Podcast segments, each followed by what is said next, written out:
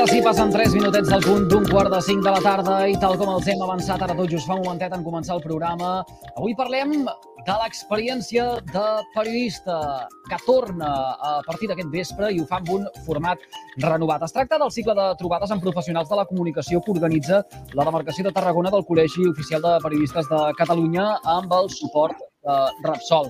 Enguany, el cicle aposta per un format renovat, com dèiem, que porta les trobades, atenció, a la sala 0 i busca un ambient distès amb un tot de late night. Començarà aquest vespre amb la periodista especialitzada en successos Maica Navarro, seguida de la periodista del cor Laura Fa i el fotoperiodista David Ramos, un cicle que clourà amb el periodista esportiu Gerard Romero, qui explicarà com la seva trajectòria l'ha portat a la plataforma de streaming Twitch qui comparteix ara mateix una estoneta amb nosaltres és l'Esteve Giral, el president del Col·legi de Periodistes de Catalunya a la demarcació de Tarragona.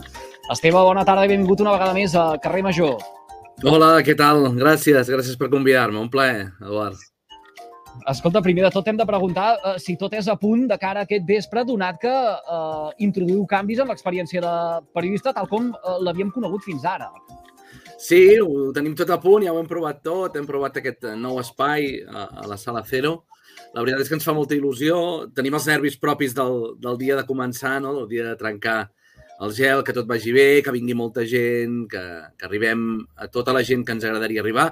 Ens hem fet molt pesats a les últimes setmanes, hem fet molta, molta difusió per xarxes, també aprofitant com, com vosaltres, que ens doneu un cop de mà per donar-ho a conèixer i la veritat és que esperem que, que avui estigui plena la sala Cero. Uh, Explica'ns a què es deu aquest canvi, Esteve. Uh, com és que aposteu precisament per uh, fer aquest punt i a part en l'experiència de periodista i emprendre una aventura que, si més no, ja ens crida uh, l'atenció pel uh, format que li heu volgut donar. L'anterior format era aquest de l'antiga audiència de Tarragona i sempre dic que és un format perfectament vàlid i jo no descarto pas Eh, que l'alternem fins i tot en properes edicions amb, amb aquest nou format.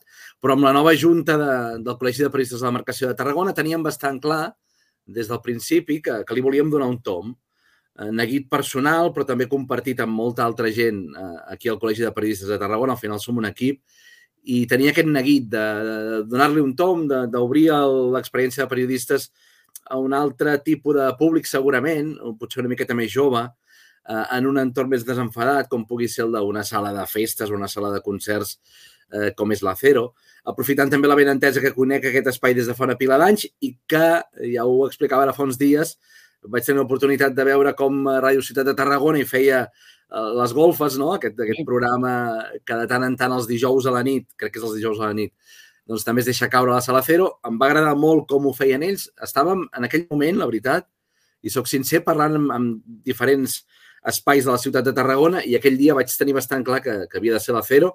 A més a més, amb l'Àngel Lopera, eh, que també és periodista, company eh, del món de la comunicació, que ell porta la, la, la sala amb altra gent, i parlant, parlant amb l'Àngel ens vam entendre ràpidament i vam dir, va, doncs, doncs fem-ho. Portem l'experiència de periodistes en aquest entorn, ho fem més eh, distès, deies, amb ambient una miqueta de late, eh, conversa desenfadada, oberta també a tota la gent que vingui per, perquè hi puguin dir la seva i buscar un perfil segurament també de, de periodistes eh, que s'ajustés o que s'adaptés a aquest nou format. I avui comença la Maica Navarro, de sobres coneguda per moltíssima gent, no? periodista especialitzada, ho deies, en el món de la crònica negra, del fred del, del fet divers, i que jo crec que és una bona manera de començar. El Gerard Romero pot ser una bona manera també de tancar, divertida, també diferent, trencadora, un periodista del món dels esports que ara és això que en diuen ara un creador de continguts, algú que està segurament més a prop del món de l'entreteniment, eh, de la comunicació, entreteniment, eh, s'ha fet també molt popular a través de la Kings League, s'ha fet molt popular perquè, perquè ell, de fet, el Gerard és un dels periodistes més ben informats en el món del, del periodisme esportiu aquí a casa nostra. De fet, aquesta setmana, per exemple, el Gerard explicava que Messi arribava a Barcelona i que s'hi portava 15 maletes i, i començaven totes les especulacions possibles.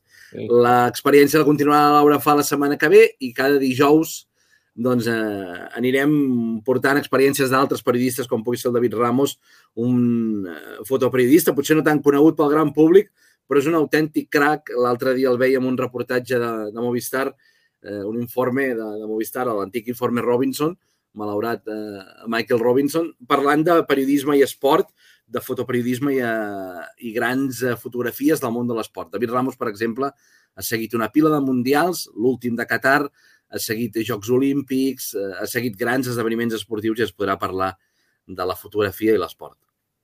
Escolta una cosa, Esteve, uh, i com a organitzadors, no us fa una mica de poc com avanci? Uh, T'ho dic perquè les nits se saben com comencen, però mai es coneix com acaben.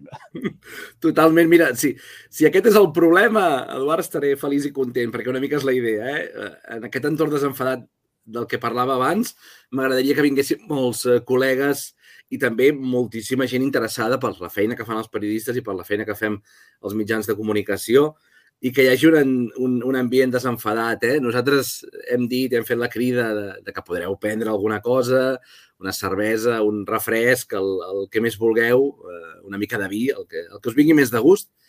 I, i sempre és segurament una miqueta més relaxat l'ambient quan, quan estàs prenent alguna cosa, estàs conversant amb gent a la que t'estimes i amb qui et portes bé i a més doncs, parles de periodisme, vaja. No sé, Eduard, jo, jo t'espero veure aquesta tarda, aquest vespre a la, a la Cero, si, si pots, no ho sé. Que crec que tens criatures petites i això sí, del 8 del vespre sí. ja comença a ser hora, hora maleïda, potser.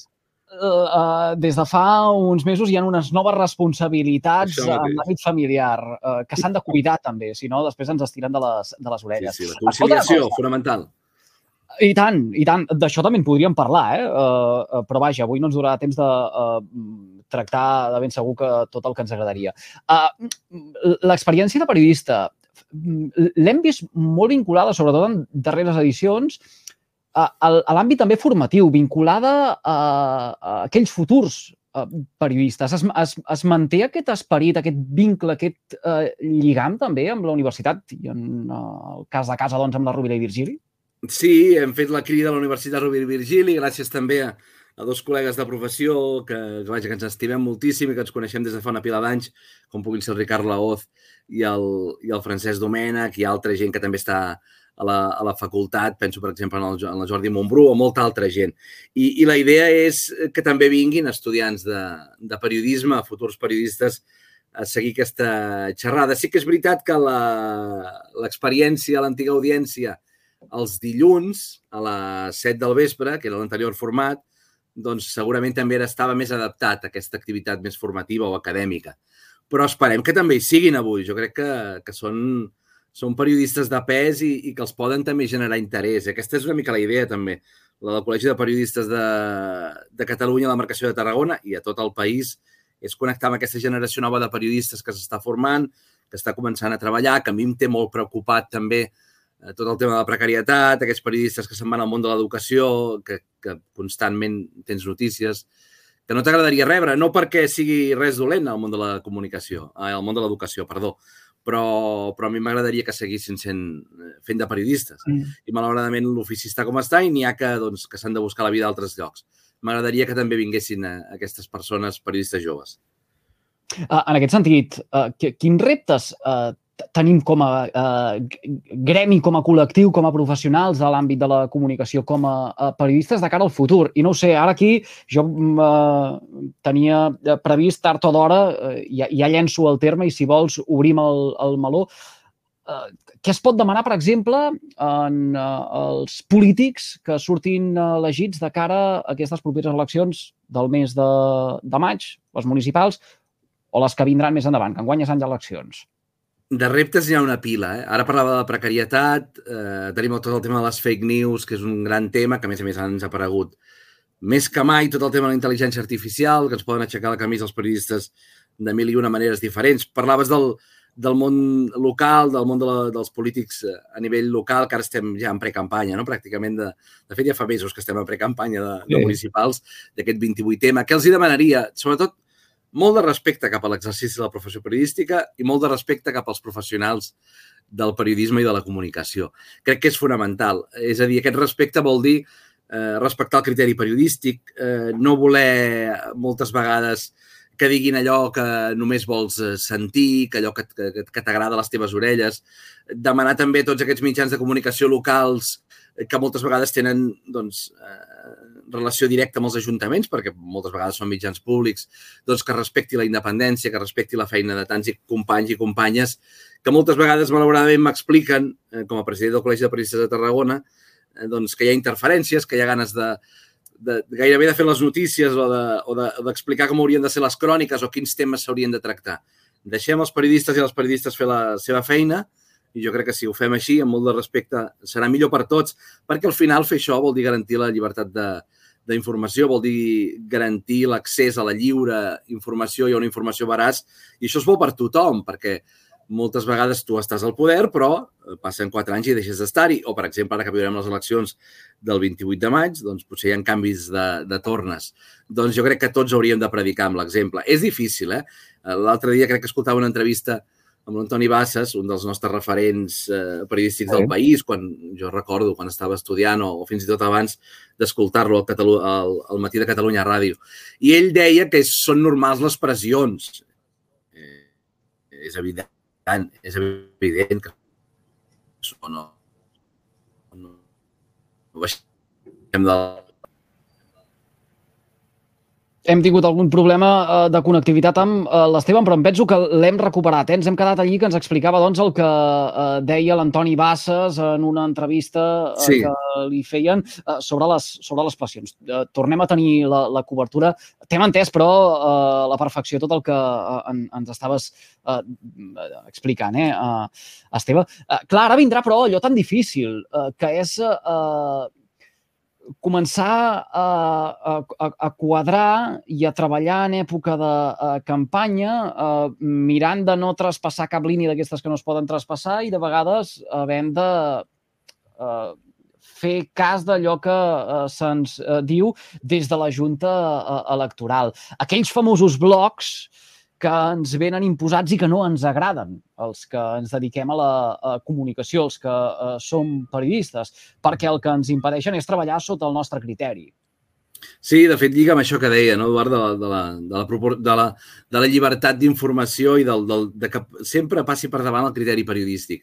Ahir estava una reunió amb companys i companyes de, de la Junta del Col·legi de Periodistes a, a Catalunya, estava a Barcelona, i, i va ser justament un dels temes, eh, un dels temes que vam, que vam tractar, que de fet ja fa setmanes que estem treballant, per exemple, amb el Consell de l'Audiovisual de Catalunya, eh, que, que treballem constantment. Jo crec que el fonamental és, és que es garanteixi eh, que la informació és veraç i que és proporcional. Hi ha un criteri de proporcionalitat també que ens, eh, que ens estableix els mitjans de comunicació i els periodistes que a l'hora d'informar de totes aquestes eh, campanyes electorals, d'allò que passi de cara a les eleccions del 28 de maig, hem de tenir en compte la representativitat de cada un dels partits polítics a nivell polític eh, i això és fonamental també, eh, garantir-ho i tenir-ho en compte. És a dir, no podem estar al marge. Ara a mi els blocs tampoc no m'agraden gens, Eduard, perquè crec que és com una mena de cotilla, no? Uh, escolta, que, creus, Esteve, que la, la ciutadania és conscient d'això de, dels uh, blocs uh, uh, i, i d'aquest minutatge tan uh, acotat que uh, se'ns imposen els mitjans de comunicació a l'hora, per exemple, d'informar en unes uh, eleccions? Sí que col·loquem no, aquells indicatius, o en el cas de televisió, uh, aquells uh, cairons que uh, indiquen que és un criteri que se segueix atenint les ordres de la Junta Electoral. Però la, la, la, la gent eh, pensa en com s'ha processat tota aquesta informació? Jo crec que no, que no hi pensa, que no hi pensa com pensem nosaltres, això segur, i que, i que moltes vegades ni hi pensa. Moltes vegades jo, jo, jo soc molt crític eh, amb, el meta, amb el metaperiodisme, és a dir, amb aquest periodisme que parla d'ell mateix. Jo hi fugiria bastant. I lligat amb això, jo crec que al final sempre és molt més interessant que la informació sigui interessant, eh, que sigui atractiva, que la gent eh, et segueixi quan parles de, de política municipal que no pas de seguir una, una mena de cotilla.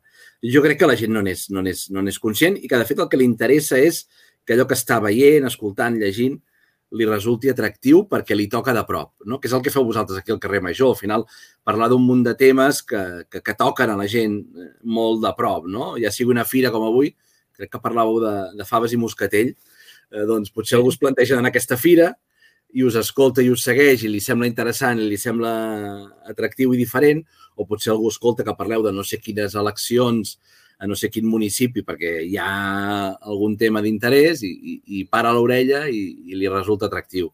Jo crec que això hauria de passar per davant de tot. Eh, aquesta també és una responsabilitat nostra, aquesta també és una uh, exigència que uh, hem de tenir els professionals de la comunicació uh, i, malauradament, uh, hi han professionals que uh, no la tenen i hi han uh, mitjans que no vetllen uh, per això. Uh, I aquí ara no posarem noms i cognoms uh, de ningú ni assenyalarem uh, cap espai, però uh, és una realitat uh, evident, és el pa de cada dia, també. Sí, i, i és obligació també del Col·legi de Periodistes de Catalunya està el cas, i també, per exemple, doncs, parlàvem de situacions eh, que no considerem ètiques i llavors les fem, les fem arribar al, al Consell de, de la Informació de Catalunya, el SIC, que és un organisme que vella precisament per, per tenir cura de tot això, no? Quan algun periodista, una periodista o mitjà de comunicació salta el codi ètic, salta el codi ontològic, actua de manera no professional. Per tant, entre tots hem d'estar també molt al cas. Eh? Hi, ha, hi ha pràctiques que no són bones. Jo sempre dic que el corporativisme ben entès és aquell que defensa l'ofici, el mal entès és aquell que amaga el cap sota l'ala. A mi no m'agrada aquest, eh? el, el que vol fer veure que tots ho fem tot fantàsticament bé. Jo mateix segur que m'he equivocat més d'una vegada exercint el meu ofici i, i, no, i no em dol dir-ho. El que és important és que tots siguem conscients i que vulguem fer-ho cada dia una mica millor. No? Mm. Uh, Esteve, ja per uh, anar acabant, escolta, amb uh, aquesta radiografia que estem fent, sobretot ara, eh, també amb la mirada posada ja en aquestes eleccions del uh, 28M, en què els mitjans de comunicació de ben segur que uh, agafen molt més relleu també en el uh, sí de la societat, perquè al final és d'on uh, mama també qui uh, vol conèixer tot el que tindrà a l'hora d'escollir exercir en el seu uh, dret a vot. Per cert, ja aprofito eh, ara per explicar que uh, aquest programa, uh, esdevenint col·laboratiu entre vuit emissores uh, municipals, no podrà uh, explicar eh, què és el que es fa en el marc de la campanya electoral a les poblacions del territori, perquè aquí entraríem en incompatibilitats amb el que diu la Junta eh, Electoral. Però vaja, això ja ho explicarem eh, quan, sigui el, quan sigui el moment. En tot cas, eh, preguntava Esteve, amb tota aquesta realitat, eh, gaudim d'un bon estat de salut de, de, del, del periodisme i la comunicació de proximitat al nostre territori?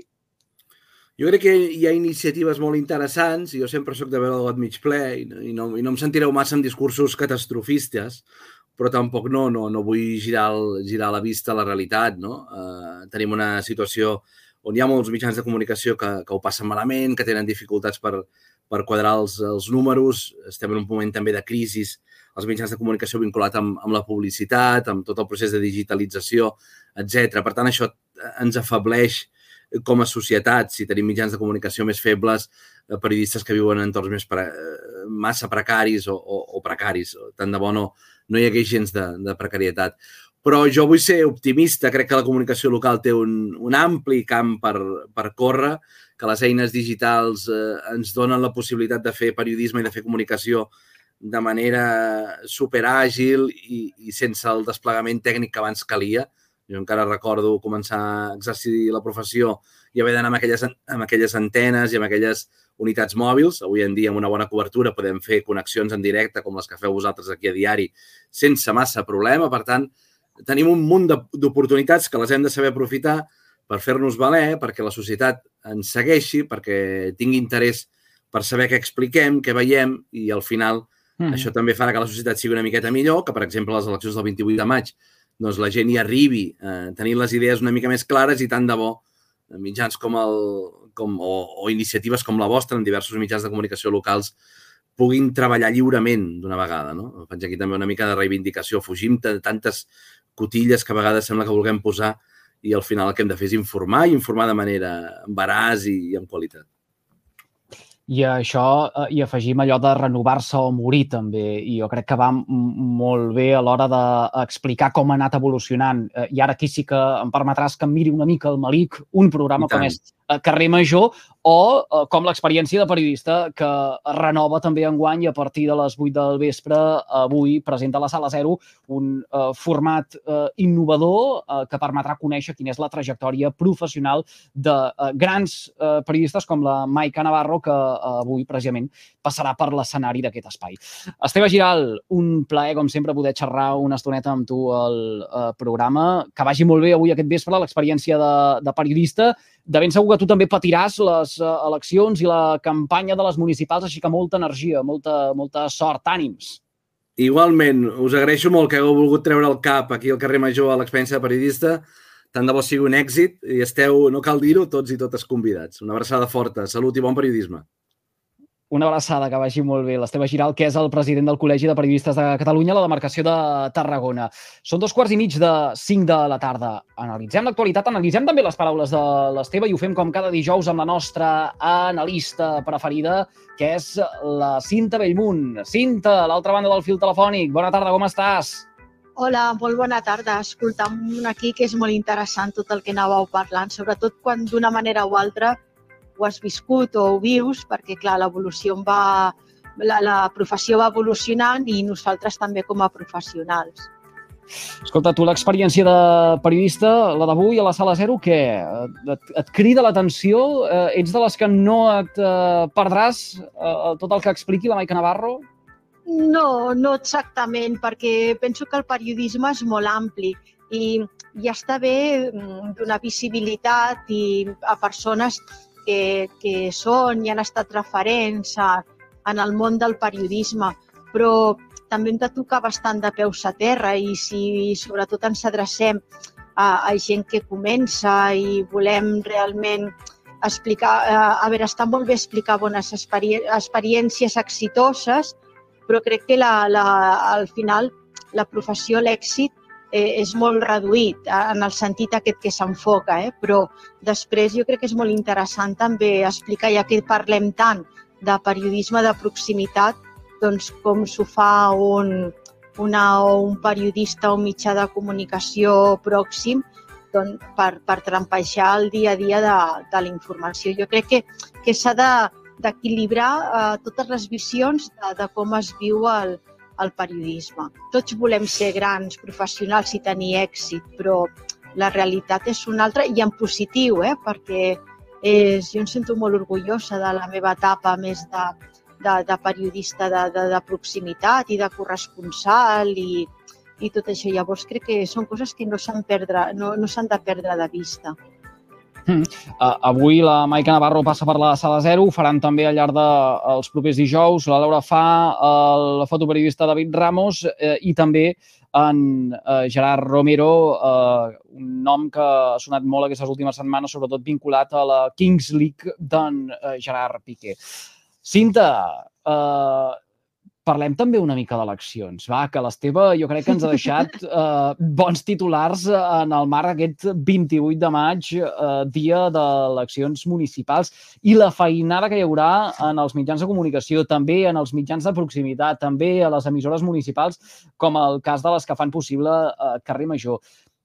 Un repte eh, a l'hora de eh, fer, per exemple, espais col·laboratius com és aquest. Uh, ho explicàvem. De vegades la Junta Electoral Eh, teixeix una normativa que eh, es fa complicada de no sé si fer servir la paraula entendre, seguir uh, o, o, o, o, o copsar en la realitat, uh, perquè precisament el que ens tocarà a nosaltres serà fer programa, però obviant que hi ha eleccions. I, I això és molt difícil, perquè aquells dies només es parlant d'eleccions. Sí, de, de fet ja estem parlant ara, perquè ara ja per tot arreu... Sí, però no estem en campanya, però, no, però no estem en campanya encara. Sí, sí, això sí, és veritat, no? Però, a veure, clar, és com si molt surrealista, perquè si estàs de campanya, estàs de campanya, i llavors has de, has de, de ser un eh, facilitador de, de que es pugui parlar, que, que, que has d'amagar o que has de limitar. Eh, mm, perquè no ho fan ja. Mm, val que quan, quan estàs en campanya és més greu, però llavors no m'estranya que tots els partits i tots els candidats ja apretin més durant la precampanya. És que al final eh, trasllades la, la campanya electoral, la fas avançar, eh, doncs siguem, siguem una mica una mica coherents. Després em sembla que, clar, els criteris que apliquen són injustos i, i són irreals total, perquè en principi eh, tothom hauria de tenir les mateixes oportunitats per, per expressar-se i cada mitjà doncs, amb, amb total honestedat que organitzi el, els seus programes. No diem tant que hi ha llibertat d'expressió i no sé què, doncs siguem to, tots plegats una, una mica coherents, no? Vaja, a mi em sembla que, que és molt escandalós. Ens hauríem de preguntar que, que, què li passa a aquesta llei electoral, perquè eh, sempre que arriben unes eleccions eh, eh, acabem dient, ostres, eh, hi ha alguna cosa que no acaba d'encaixar. Eh, no Jo sé, eh, potser algú l'hauria- potser més- algú l'hauria de canviar. Sí, evidentment, és que no, no, és, no és gens racional i, i llavors, doncs, mm, per anar al meu punt de vista, en una convocatòria que se suposa tan objectiva com són unes eleccions municipals, doncs que també les normes siguin objectives i no eh, ho facis tan rocambolesc que, que al final hi ha eh, les, els partits eh, que tenen menys representació, al final què passa? Que també ho tenen més difícil, ja, ja ho tenen prou difícil de per si per, per anar eixamplant, però és que llavors que tenim una llei que encara li, li, li poses més complicat i sembla que, que més que ordenar o estructurar eh, els vots i les orientacions de vot i tot el que tu vulguis, faci una dispersió rara que no dius, bueno, i, i aquí què passa? El meu entendre no, no té cap sentit, vaja. Haurem de limitar-nos a parlar d'eleccions quan entrem en campanya eh, únicament amb els nostres analistes i eh, vigilant molt per no caure en, I tant, el, en el sí. parany. Déu-n'hi-do, uh. Cinta. Uh, hi ha hagut sorpreses en la presentació de les uh, candidatures de les llistes electorals. De fet, les llistes que publicava ahir el butlletí oficial de la província de Tarragona. Uh, tu t'ha cridat l'atenció algun nom propi així que hagis uh, pogut veure? No, a veure, a Tarragona, en el cas de Tarragona, no, jo ja crec que estem com una fase de, de renovació de caps de llista, de membres que integren. Jo, aquí crec que ja han superat una, una etapa d'altres noms que, que veníem arrossegant ja de, de, de fa molt de temps, tot que hi ha algun, eh, que pot ser que, que sí que, que es repeteixi i això, però jo penso que en la majoria de, de partits presenten caps de llista i candidatures que jo me les mirava i més o menys sóc una persona que estic atenta i conec bastanta gent i així hi havia molt de personal que, que no conec de res, no? I això et demostra Doncs mira, que estem en un canvi de fase, no? Mira, mira, mira, mira, perquè ara vindran els tonis del programa que eh, precisament el que faran serà això, eh, posar el focus en aquests noms que són curiosos en el marc d'unes eleccions o d'una candidatura.